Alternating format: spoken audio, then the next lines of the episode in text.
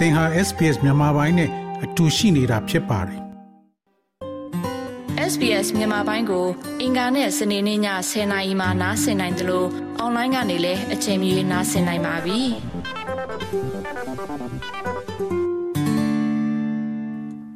တော်ရရှိမြတ်မြန်ဩစတြေးလျမှာဘောက်စုခေါ်တဲ့တစ်ပီယာနဲ့ပတ်သက်လာရင်ကွဲပြားမှုတွေရှိပါတယ်။ဩစတြေးလျတွင် မွေးဖွားသူများပင်လျင်မြည်သူနှင့်မြည်သည့်အချိန်တွင် တစ်ပေးရမည်ကို သိရှိခြင်းကရှုပ်ထွေးနေပါတယ်။ဒီသတင်းပိုက်ရဲ့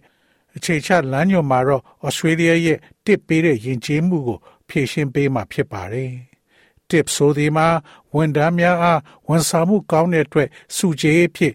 ငွေချေလက်ဆောင်တစ်ခုဖြစ်ပါတယ်။၎င်းကိုငွေသားဖြင့်သို့မဟုတ်ငွေသားမပါဘဲငွေပေးချေမှုစနစ်များဖြင့်ပေးချေနိုင်ပါတယ်။ဩစတြေးလျမှာတစ်ပေးမလားမပေးဘူးလားသဘောထားကွဲလွဲမှုများအများပြားရှိနေပါတယ်။တခါတရံဒါကိုသရာကျေးလို့လည်းခေါ်ပါတယ်။ကျွန်ုပ်တို့ရဲ့စိတ်ရှုပ်ထွေးမှုသည်တခြားနိုင်ငံများတွင်ကျွန်ုပ်တို့သတိပြုမိသော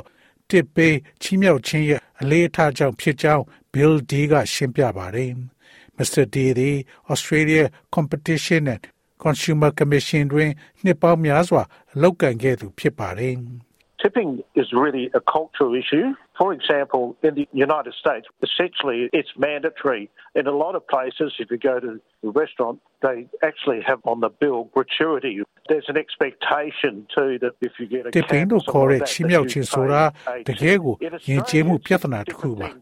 ဥပမာအားဖြင့် US မှာ၎င်းသည်မဖြစ်မနေလိုအပ်ပါတယ်စားသောက်ဆိုင်တစ်ဆိုင်သွားရင်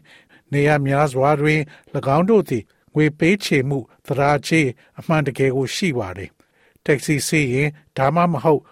ဒီလိုမျိုးတစ်ခုခုလုပ်ရင်ပေါက်စုပေးရမယ်လို့လည်းမျှော်လင့်ထားပါတယ်။ဩစတြေးလျမှာကတော့မတူပါဘူး။ယဉ်ကျေးမှုအရကျွန်ုပ်တို့သည်စန္ဒအလျောက်ပေးကမ်းခြင်းပြုလုပ်ရန်ပို၍ရင်ပါသွားပါတယ်။ဩစတြေးလျမှာတစ်ပေးရဆုံးဖြတ်ချက်သည်တူးချင်းပေါ်တွင် လုံလုံလျားလျားမူတည်ပါတယ်။ဩစတြေးလျမှာတစ်ပေးရဆုံးဖြတ်ချက်သည်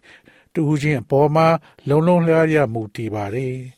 တစ်ပေးရရွေးချယ်ခြင်းသည်ကျွန်ုပ်တို့လက်ခံရရှိသည့်ဝန်ဆောင်မှုအရေးသွေးအတွက်တုံ့ပြန်မှုတစ်ခုဖြစ်ကြောင်း Mr. D ကပြောကြားပါတယ်။ It is voluntary. You don't have to tip. But that doesn't say tipping doesn't occur. In Australia, it's more an expression of being satisfied or expressing your appreciation with better customer service. For example, if you're in a restaurant and the waiter gives you excellent ဒါဟာ service, and စေ you တ think နာ the ရ meal ပါ was great, တစ် a lot ပေး of ရမ people လိုပါ tip ဘူး to show their ဒါပေမဲ့အဲ့ဒါက gratitude. I think တစ် it's ပေးစရာမလိုဘူးလို့ from မဆိုပါဘူး the individual ဩစတြေးလျမှာ၎င်းသည်ပုံမကောင်းမွန်သော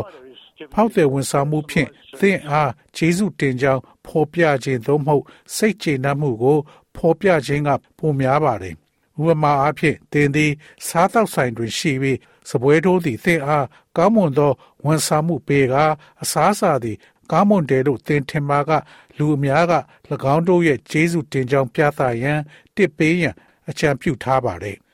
ဝန်ဆောင်မှုပေးသူကသင်အားပုဂ္ဂိုလ်ရေးသီးသန့်ဝန်ဆောင်မှုပေးတဲ့ဆိုပါက၎င်းသည်သုံးဆွဲသူတူဦးချင်းထံမှဝန်ဆောင်မှုပေးသူထံသို့ထုတ်ဖော်ပြောဆိုမှုတစ်ခုဖြစ်ရမယ်လို့ထင်ပါတယ်။ဩစတြေးလျတွင်ပေါက်စုပေးခြင်းကို လူအများကကန့်ကွက်ကြပါတယ်။ ဝန်ဆောင်မှုဝန်ထမ်းများအတွက်အလုပ်အကိုင်းခြေနေများအလွန်ကွာခြားတဲ့အမေရိကန်ကဲ့သို့နိုင်ငံများမှမလိုလားအပ်သောယဉ်ကျေးမှုလွှမ်းမိုးတစ်ခုအဖြစ်သူတို့ကမြင်နေကြပါတယ်။ Ken Smith ဟာ Australia ရဲ့အရှိအချာဆုံးအစားအစာရှိုးကို Radio 3 Triple R တွင်တင်ဆက်ပေးခဲ့သူဖြစ်ပါတယ်။ It is voluntary. You don't have to tip. But that doesn't say tipping doesn't occur. In Australia, it's more an expression of being satisfied or expressing your appreciation with better customer service. For example, if you're in a restaurant and the waiter gives you excellent service, and you Australia think the တွင် meal's ကျွန်ုပ် great, တို့ a lot အိန္ဒိယ of တွင် people tip ရှိသော to show their လောက်ခ gratitude. လာစာ I think it's ဖွဲ့ got စ to ည်း be ပုံကြောင့် expression တစ်ပေးသင့်တယ်လို့ from the မခံစားသင့်ပါဘူး။ Australia သည်တခြားကမ္ဘာနိုင်ငံများနဲ့နှိုင်းယှဉ်ပါကအနိုင်ဆုံးလာကလာစာကမြင့်မားပါတယ်။ ဒါပေမဲ့လောက်ခလာစာအလွန်နေတဲ့ USA နဲ့မတူတာကဝန်ဆောင်မှုဝန်ထမ်းတွေကရှင်သန်ဖို့အခမဲ့လိုအပ်ပါတယ်။ Australia မှာကောင်းမွန်တဲ့ဝန်ဆောင်မှုကိုပေါက်စုပေးမလားမပေးဘူးဆိုတာလူတစ်ယောက်ချင်းပေါ်မှာမမူတည်ပါတယ်။ရေဘူရယုံကြည်ချက်မှာနေ့စဉ်ဝန်ဆောင်မှုအတွက်တစ်ပေးခြင်းသည်ယဉ်ကျေးမှုကိုမြစ်တရမလိုအပ်ဘူးလို့မစ္စတာဒီကရှင်းပြပါတယ်။ The thing about tipping in Australia is its expression of gratitude for service that goes beyond the ordinary service. And if their service is just ordinary, then it's a bit of a steal to ask for more. Australia မှာတစ်ပေးခြင်းဆိုင်ရာအချက်မှာတာမန်ဝန်ဆောင်မှုထက်ကျော်လွန်သောဝန်ဆောင်မှုအတွက်ကျေးဇူးတင်ကြောင်းဖော်ပြခြင်းသာဖြစ်ပါတယ်။၎င်းတို့ရဲ့ဝန်ဆောင်မှုသည်တာမန်မျှတာဖြစ်ပါကနောက်ထပ်တောင်းဆိုရန်အနှဲငယ်လိုအပ်ပါတယ်။ သင်ဩစတြေးလျတွင်ရှိနေပါကသင်ရရှိတဲ့အရာအတွက်သင်ပေးချေသည်ဟုဆိုရိုးစကားရှိပါတယ်။ဒါပေမဲ့တစုံတစ်ယောက်ကဒီထက်ပိုပြီးနည်းနည်းလေးပိုဆောင်ရွက်ပေးမယ်ဆိုရင် လူတော်တော်များများကအဲ့ဒီနည်းနည်းလေးအပိုလက်ဆောင်ကို ပေးပါလိမ့်မယ်။ထမင်းစားပြီးရင်ဘောက်စုပေးဖို့ရွေးချယ်ရင်စပွဲပေါ်တင်ထားတဲ့ငွေသားဒါမှမဟုတ်ကောင်တာမှာရှိတဲ့ဘူးထဲမှာထည့်ထားနိုင်ပါတယ်။အ ကျွေးဝယ်ကတ်ငွေပေးချေမှုတွင် tip ကိုလည်းထည့်သွင်းလို့ရပါတယ်။စားတော့ဆိုင်ပိုင်ရှင်များသည်၎င်းတို့ရဲ့ဝန်ထမ်းများအား tip ပေးဆောင်ရန်မျှော်လင့်ကြပါတယ်။ဒီတော့ဝန်ဆောင်မှုကောင်းတစ်ခုအတွက်တယောက်ယောက်ကိုစုချဖို့ရွေးချယ်ရင်ဘလောက် tip ပေးသင့်ပါလဲ။၎င်းသည်တူးချင်းစီအပေါ်တွင် လုံလုံလျားလျားမူတည်တော်လဲလက်ခံထားသောလမ်းညွန်ချက်တချို့ရှိကြောင်း Ken Smith ကဆိုပါတယ်။ Usually in Australia, a tip or a gratuity, as it's sometimes called, is about 10%.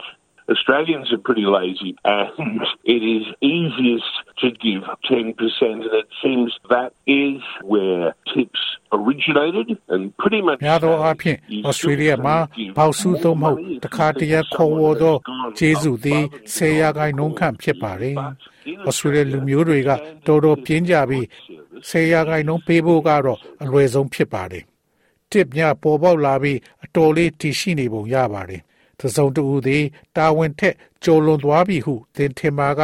tip ခေါ်တဲ့ငွေပိုကိုပေးနိုင်ပါတယ်။သို့သောဩစတြေးလျတွင် ကောင်းမွန်သောဝန်ဆောင်မှုအတွက် tip ပေးတဲ့စံနှုန်းကတော့ဆယ်ရာခိုင်နှုန်းဖြစ်ပါတယ်။ကယောဂဖြစ်ပွားပြီးကတည်းကအဲဝတ်ချေပြမှုနဲ့ဝန်ဆောင်မှုလုပ်ငန်းများကိုပံ့ပိုးလိုသောစန္ဒသည်ဩစတြေးလျရဲ့ထိပ်ဖြားခံယဉ်ကျေးမှုကိုလွှမ်းမိုးခဲ့ပါတယ်။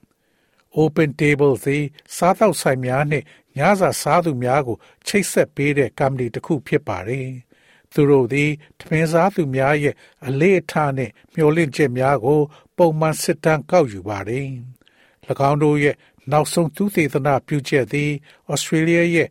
အဲဝတ်ပြုမှုလုပ်ငန်းတွေကပ်ယောဂါကြောင့်အသွင်ပြောင်းသွားကြောင်းဖော်ပြထားပါတယ်။ Robin Chan သည် Open Tables အတွက်နိုင်ငံတကာဈေးကွက်များကို လှုပ်ဆောင်ပေးသူဖြစ်ပါတယ်။သမိုင်းကြောင်းအရ Australia ရဲ့ tipping ယဉ်ကျေးမှုသည်ခိုင်မာမှုမရှိဘူးလို့ဆိုပါတယ်။ What we've seen after the pandemic and after lockdowns is a shift in sentiment. So around 25% of Aussies that we surveyed are now happy to tip after a meal. And that's really led by our young guys under 30s. Around half of them are very willing to tip after a meal. ကုဆက်ယောဂပြီးတဲ့နောက်နဲ့ lockdown အပြီးမှာကျွန်ုပ်တို့မြင်တွေ့ခဲ့ရတဲ့အရာမှာစိတ်သဘောထားအပြောင်းရွှေ့တစ်ခုဖြစ်ပါတယ်။ကျွန်ုပ်တို့စစ်တမ်းကောက်ယူခဲ့သောအော်စီလူမျိုးတွေရဲ့25ရာခိုင်နှုန်းခန့်သည်ယခုအခါအစားစားပြီးနောက်တစ်ပေးရန်အတွက်ပျော်ရွှင်နေကြပါတယ်။အဲ့ဒါကတကယ်ကိုအသက်30နဲ့အောက်လူငယ်တွေကဒါကိုဥဆောင်နေတာပါ။သူတို့ထဲကထက်ဝက်လောက်ကအစားစားပြီးရင်တစ်ပေးခြင်းကြပါတယ်။ ဒါကြောင့်စားတောက်ဆိုင်တွေမှာစားတောက်ခြင်းနဲ့ကျွန်တော်တို့ရဲ့စားတောက်ဆိုင်တွေနဲ့ဆိုင်ရှိဝန်ထမ်းတွေကိုဆက်ဆံပုံနဲ့ပတ်သက်ပြီးဒါဟာကျွန်တော်တို့အတွက်တကယ်ကိုအပြောင်းအလဲတစ်ခုပါပဲ။ကယောဂကြောင့်ငွေသားတစ်ပေးချေမှုရောကျသွားခဲ့ပါတယ်။ယင်းစား Air Force ငွေပေးချေမှုများ QR code မှာယူခြင်းနဲ့ ride sharing နဲ့ food delivery ခေါ်အစားအသောက်ပေးပို့ခြင်း app များကို အသုံးပြုခြင်းတို့ကိုကျွန်ုပ်တို့မြင်တွေ့နေရပါတယ်။၎င်းတို့တွင် လူသားချင်းချင်းအပြန်အလှန်တုံ့ပြန်မှုအနှဲငယ်သာရှိတော်လဲဝန်ဆောင်မှုပေးသူကိုစုချင်းမြင့်ရန်သင်အားလှုံ့ဆော်ပေးမှုဟာ app အတွင်းအကြံပြုပေးတဲ့အင်္ဂါရက်များပါရှိပါတယ်။ Australia သည်ကမ္ဘာပေါ်တွင် QR ငွေပေးချေမှုနဲ့ order မှာယူမှု အများဆုံးအသုံးပြုသူများထဲမှတစ်ခုဖြစ်ကြောင်းမစ္စတာချန်ကပြောကြားပါတယ်။သို့သော အလိုအလျောက်အချက်ပေးချက်များသည့်သစ္ဆုံးဖြတ်ချက်ကိုတစ်ပေးရန်သို့မဟုတ်မပေးရန်ကိုလွှမ်းမိုးမှုမဖြစ်စေသင့်ပါဘူး Our survey says that hasn't changed the way people approach tipping. That's not really been the main driver. The main reason why people do tip is they want to help out the restaurant industry, which I think is a great reason. ကျွန်ုပ်တို့ရဲ့စစ်တမ်းကမပြောင်းလဲပါဘူးလူများက tip ချင်းမြောက်ချင်းချီးကပ်ပုံကမပြောင်းလဲပါဘူးဒါကတကယ်တမ်းအဓိကမောင်းနှင်းမှုတော့မဟုတ်ပါဘူးလူတွေကတစ်ပေးရတဲ့အဓိကအကြောင်းရင်းကစားသောက်ဆိုင်လုပ်ငန်းကိုအကူအညီပေးခြင်းကြတာပါ ဒါကကြီးကျယ်တဲ့အကြောင်းပြချက်လို့ကျွန်တော်ထင်ပါတယ်အဲဒါကြောင့်လူတွေကငါတို့ဆိုင်ရှိကဝန်ထမ်းတွေကိုကူညီဖို့ပတ်စံအိတ်တွေဖွင့်ဖို့ဆန္ဒရှိလာတာပါဩစတြေးလျတွင်တက္ကစီယာဉ်မောင်းများသည်ယာဉ်စည်းကားကိုအနည်းဆုံးဒေါ်လာသို့စုယူလေရှိတော်လဲပေါက်စုများကိုမမျောလင့်ထားပါဘူးစပင်ညက်ဆရာတွေအလှပြဆရာတွေနဲ့ဟိုတယ်ဝန်ထမ်းတွေကလည်း tip ကိုမမျောလင့်ပါဘူးကန်စမစ်က အစားအသောက်ပို့ဆောင်ရေးရင်မောင်းများကိုတစ်ပေးခြင်းရှိမရှိဆုံးဖြတ်ရမှာခက်ခဲတယ်လို့၎င်းကဆိုပါတယ် I tend to give a tip to delivery drivers because those people that are, shall we say, caught in the gig economy and that are working for the disrupting sites don't have as many rights and are probably working for ကျွန်ုပ်သည်ပို့ဆောင်ရေးရင်မောင်းများကိုတစ်ပေးတတ်ပါတယ်။ဘယ်ကြောင့်ဆိုတော့ထိုသူများသည်စီးပွားရေးတွင်ကြီးကြီးမားမားဖမ်းမိနေပြီးစိုက်များကိုနှောက်ယှက်ပေးသည့်အလုတ်လုတ်နေသူများသည်လုတ်ပိုင်ခွင့်များစွာမရှိ၍ ပတ်စံနေသောအလုတ်ဖြစ်နိုင်တယ်လို့ဆိုရမှာဖြစ်ပါတယ်။အလုတ်ရဲ့သဘောတဘာဝနဲ့လာစားစနစ်ကြောင့်အဲ့ဒီအလုတ်မှာပါဝင်နေသူတွေကိုတစ်ပေးဖို့ကျွန်တော်စူးစမ်းပါတယ်။အကယ်၍သင်ရဲ့ရည်ရွယ်ချက်ကအဲဝစ်ချေပြွန်တဲ့လုပ်ငန်းကိုပံ့ပိုးဖို့ဆိုရင်ကျွန်တော်တို့ရဲ့အပြုအမူကကြီးမားတဲ့ခြားနာချက်တစ်ခုကို ဖြစ်စေနိုင်တယ်လို့ Robin Chang ကပြောဆိုပါတယ် Generally, we pay delivery fee, but restaurants also pay quite a hefty fee for delivery. They come at a cost. So if you want to help out restaurants even more, better to go get takeout. Restaurants make more on ရေ takeout. ဘူးရာအဖြစ်ကျွန်ုပ်တို့သည်ပို့ဆောင်ကားကိုပေးဆောင်ရတော့လေစားတောက်ဆိုင်များသည်ပို့ဆောင်ကားအတွက်အလွန်ကြီးမားသော အခချင်းငွေကို ပေးဆောင်ပါတယ်သူတို့ကဈေးသက်သက်သာသာနဲ့လာတာမှုစားတောက်ဆိုင်တွေကိုပုံမကူညီခြင်းတဲ့ဆိုရင်တော့ ယူသွားတာက ပိုကောင်းပါတယ်စားတောက်ဆိုင်များသည် ပို့ဆောင်မှုထက်မှားယူမှုတွေပုံမလှုပ်ဆောင်နေကြပါတယ်စားတောက်ဆိုင်မှာသွားစားတာကတော့အကောင်းဆုံးလို့ကျွန်တော်ထင်ပါတယ်အမြင်များနဲ့အလေးထားများအလွန်ကွဲပြားတော်လဲတတိထားရန်အရေးကြီးဆုံးအချက်မှာဩစတြေးလျတွင်တစ်ပေးသည်ကသင့်အပေါ်မှာလုံးလုံးလျားလျားမူတည်နေပါတယ်။သောရရှိမြခင်ဗျာ အခြေချနေထိုင်ခြင်းလမ်းညွန်ကဆောင်းပါးကို တင်ဆက်ပေးထားတာဖြစ်ပါရခင်ဗျာ SBS မြန်မာပိုင်းကိုနားဆင်ရတာနှစ်သက်ပါတလား Facebook မှာဆွေးနွေးမှုတွေကိုဆက်ကြရအောင်ပါ SBS မြန်မာပိုင်း Facebook ကို like လုပ်ပြီးတော့သင်ချင်တဲ့ချက်ကိုမျှဝေနိုင်ပါတယ် SBS Bemis ကို Facebook မှာ share ကြည့်နိုင်ပါတယ်ရှင်။။